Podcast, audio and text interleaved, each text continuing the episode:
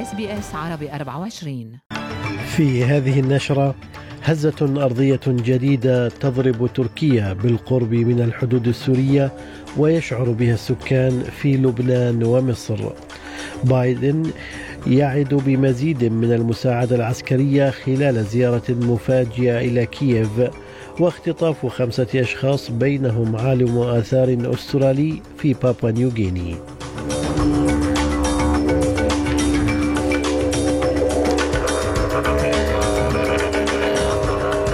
سليم الفهد يحييكم وإليكم التفاصيل.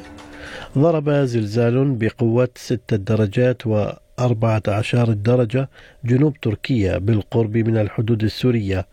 يأتي ذلك بعد أسبوعين فقط من زلزال بقوة 7 درجات و18 درجة ضرب المنطقة مما أسفر عن مقتل أكثر من 47 ألف شخص وإلحاق أضرار بمئات الآلاف من المنازل أو تدميرها. هذا ولم ترد حتى الآن تقارير عن خسائر بشرية بسبب الهزة الجديدة غير أنه تم تأكيد أن الهزة شعر بها السكان في لبنان ومصر. ويقول مراسل SBS عربي 24 في بيروت أنطوان سلامة إن سكان بيروت وطرابلس ومدن أخرى شعروا بهذه الهزة. في بيروت لجأ الناس إلى حرش بيروت فاصطفت السيارات على صفين في محيط الحرش وشهدت الشوارع حالة من الخوف والهلع وإطلاق رصاص لإخلاء المباني المرتفعة من ساكنيها خصوصا في مدينة طرابلس حيث هناك تحذيرات وجهت لسكان الأبنية القديمة بضرورة مغادرتها. وشعر سكان طرابلس والبداوي ووادي النحل والجوار بهزة قوية جدا. قام الرئيس الأمريكي جو بايدن بزيارة غير معلنة إلى كييف لإظهار الدعم لأوكرانيا قبل بضعة أيام من الذكرى السنوية الأولى للغزو الروسي. وأعلن بايدن عن تقديم أسلحة بقيمة 500 مليون دولار أمريكي تتضمن ذخيرة للمدفعية وأنظمة مضادة للدروع ورادارات للدفاع الجوي متعهدا في ذات الوقت بالوقوف مع أوكرانيا مهما طال الصراع. I thought it was important that the President of the United States be here the day the attack began.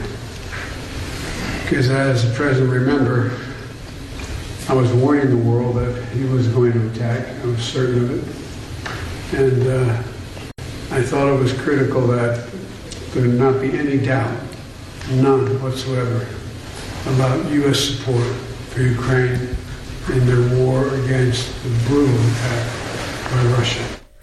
من جانبه وصف الرئيس الأوكراني فولوديمير زيلينسكي الزيارة بالمهمة بالنسبة لبلاده. That is so important signal for us. Thank you very much for coming, Mr. President. That is a huge moment of supporting of the Ukraine. And I really appreciate that President Biden, American society, being from the very beginning of this tragedy, from the very beginning of this full-scale war, from the first days being together with us.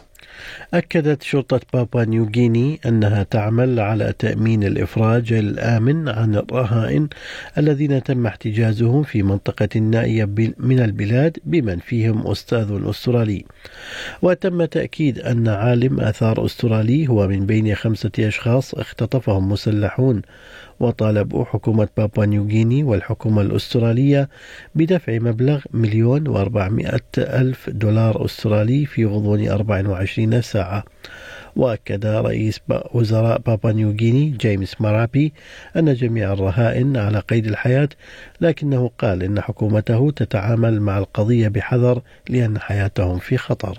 There is no place to run, there is no place to hide in our country. And uh, it is advisable for uh, those who are out there. We've heard you. Uh, we know where you have moved in from and where you are moving to. it is advisable that you work with the missionaries and counselors and the local people on the ground. we got police and military on standby to assist. But in the first instance, we want those cri criminals to release those who are held in, in captivity. في محلياتنا من المقرر أن يتحدث رئيس الوزراء أنثوني ألبانيزي مع زعماء السكان الأصليين في المناطق النائية من غرب أستراليا اليوم كجزء من زيارته التي تستغرق يومين إلى الولاية.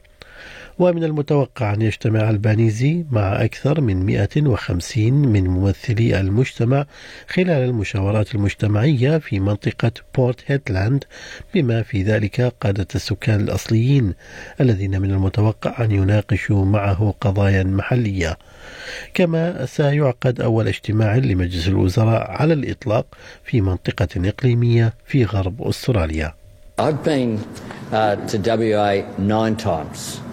Nine times since I've been the Prime Minister. I'll be meeting with Indigenous groups uh, from the Pilbara, along with uh, 150 people who are joining the community consultation uh, that we have put in place. I gave a commitment uh, that we would come to Port Hedland to have a cabinet meeting ندد مجلس الأمن الدولي في بيان بإضفاء الشرعية على تسع مستوطنات إسرائيلية في الضفة الغربية معتبرا أن المستوطنات عقبة أمام السلام. واعتبر المجلس في هذا البيان الصادر عن الرئاسة بدعم من جميع أعضائه الخمسة عشر والذي لا يعتبر ملزما.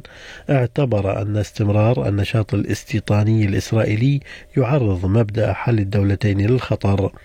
من جانبها نددت إسرائيل ببيان مجلس الأمن الدولي عن المستوطنات في الضفة الغربية معتبرة أنه أحادي الجانب وينكر الحق التاريخي لليهود على حد تعبير بيان صدر عن السلطات الإسرائيلية.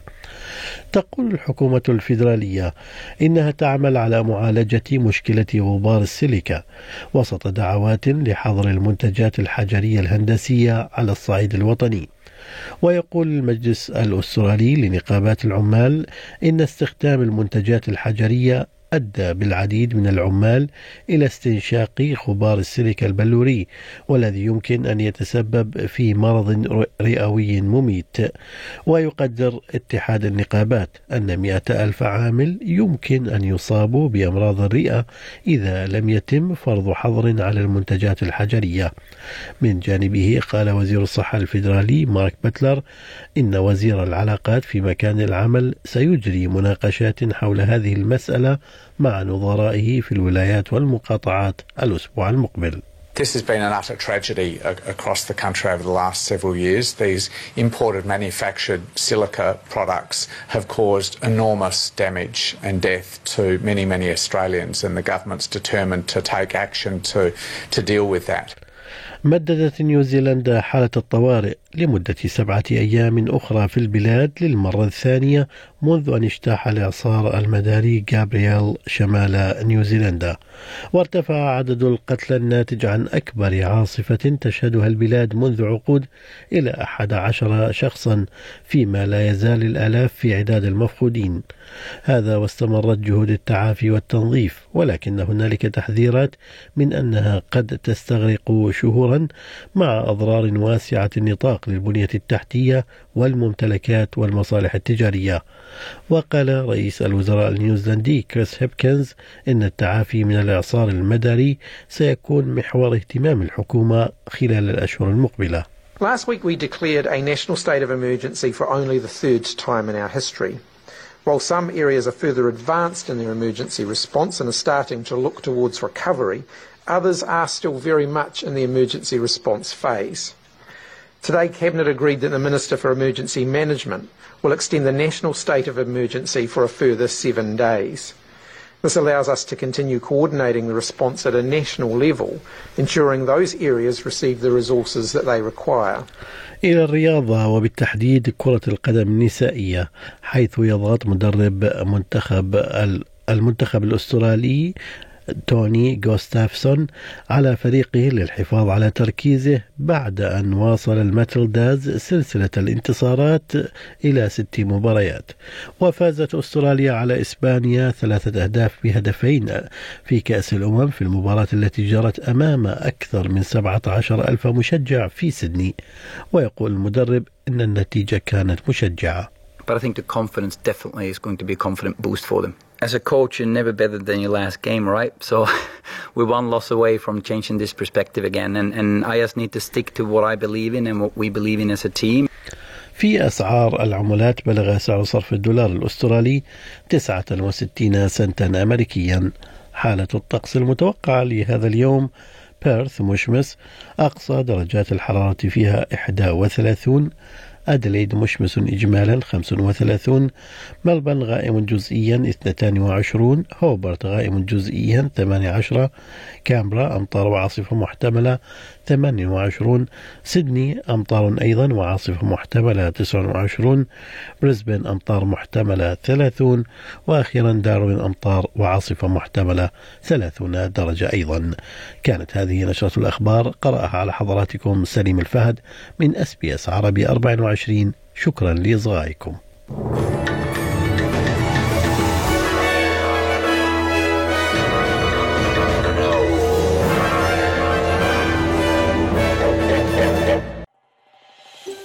هل تريدون الاستماع إلى المزيد من هذه القصص؟ استمعوا من خلال Apple Podcast، Google Podcast، Spotify أو من أينما تحصلون على البودكاست.